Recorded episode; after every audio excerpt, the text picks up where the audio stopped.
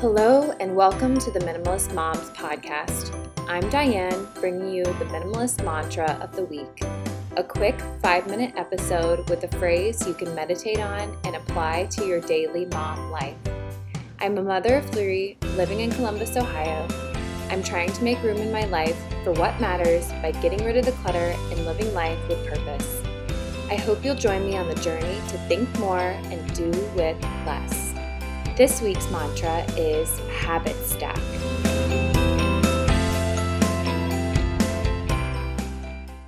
Let me fill you in on a little secret. Okay, okay. Maybe it's not so much of a secret as I've learned about it through other minimalists. It's the idea of habit stacking. I found habit stacking to be beneficial for building new habits into my days. I already practice one behavior. Why not attach it to something I already do on the regular? The connectivity will make all the difference in maintaining new habits you'd like to develop. That's why this week's mantra is habit stack. Let me give you an example in my own life. I've wanted to cultivate the habit of nightly push ups. What is something I do each night before I go to bed? Brush my teeth, of course. After I put the toothbrush back in the cabinet, I drop to the ground and do my 10 push ups or so. It has been easier to cultivate this habit because I've attached it to something I already do each night. Brushing my teeth is a no brainer, so I've attached something I've desired to do in order for it to become routine. Norman Vincent Peale, author of The Power of Positive Thinking, discusses the importance of repetition.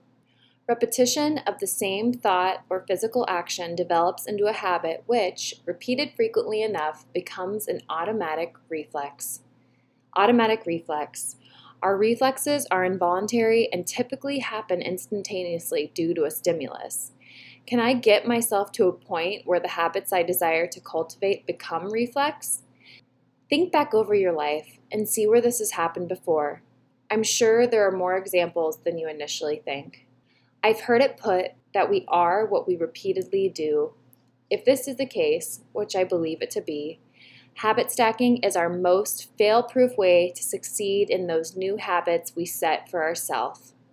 Take advantage of the strong mental connections you already make each day. Habit stack. Let me know how you put this week's minimalist mantra into practice on Facebook or Instagram. You can find me at Minimalist Moms Podcast. If this week's mantra was particularly impactful to you or you think a friend would benefit from it, please pass it along. I've included a complete transcript of the podcast on the website minimalistmomspodcast.com. And don't forget to leave a rating and review on iTunes. It helps the podcast reach others as they begin their own minimalist journey.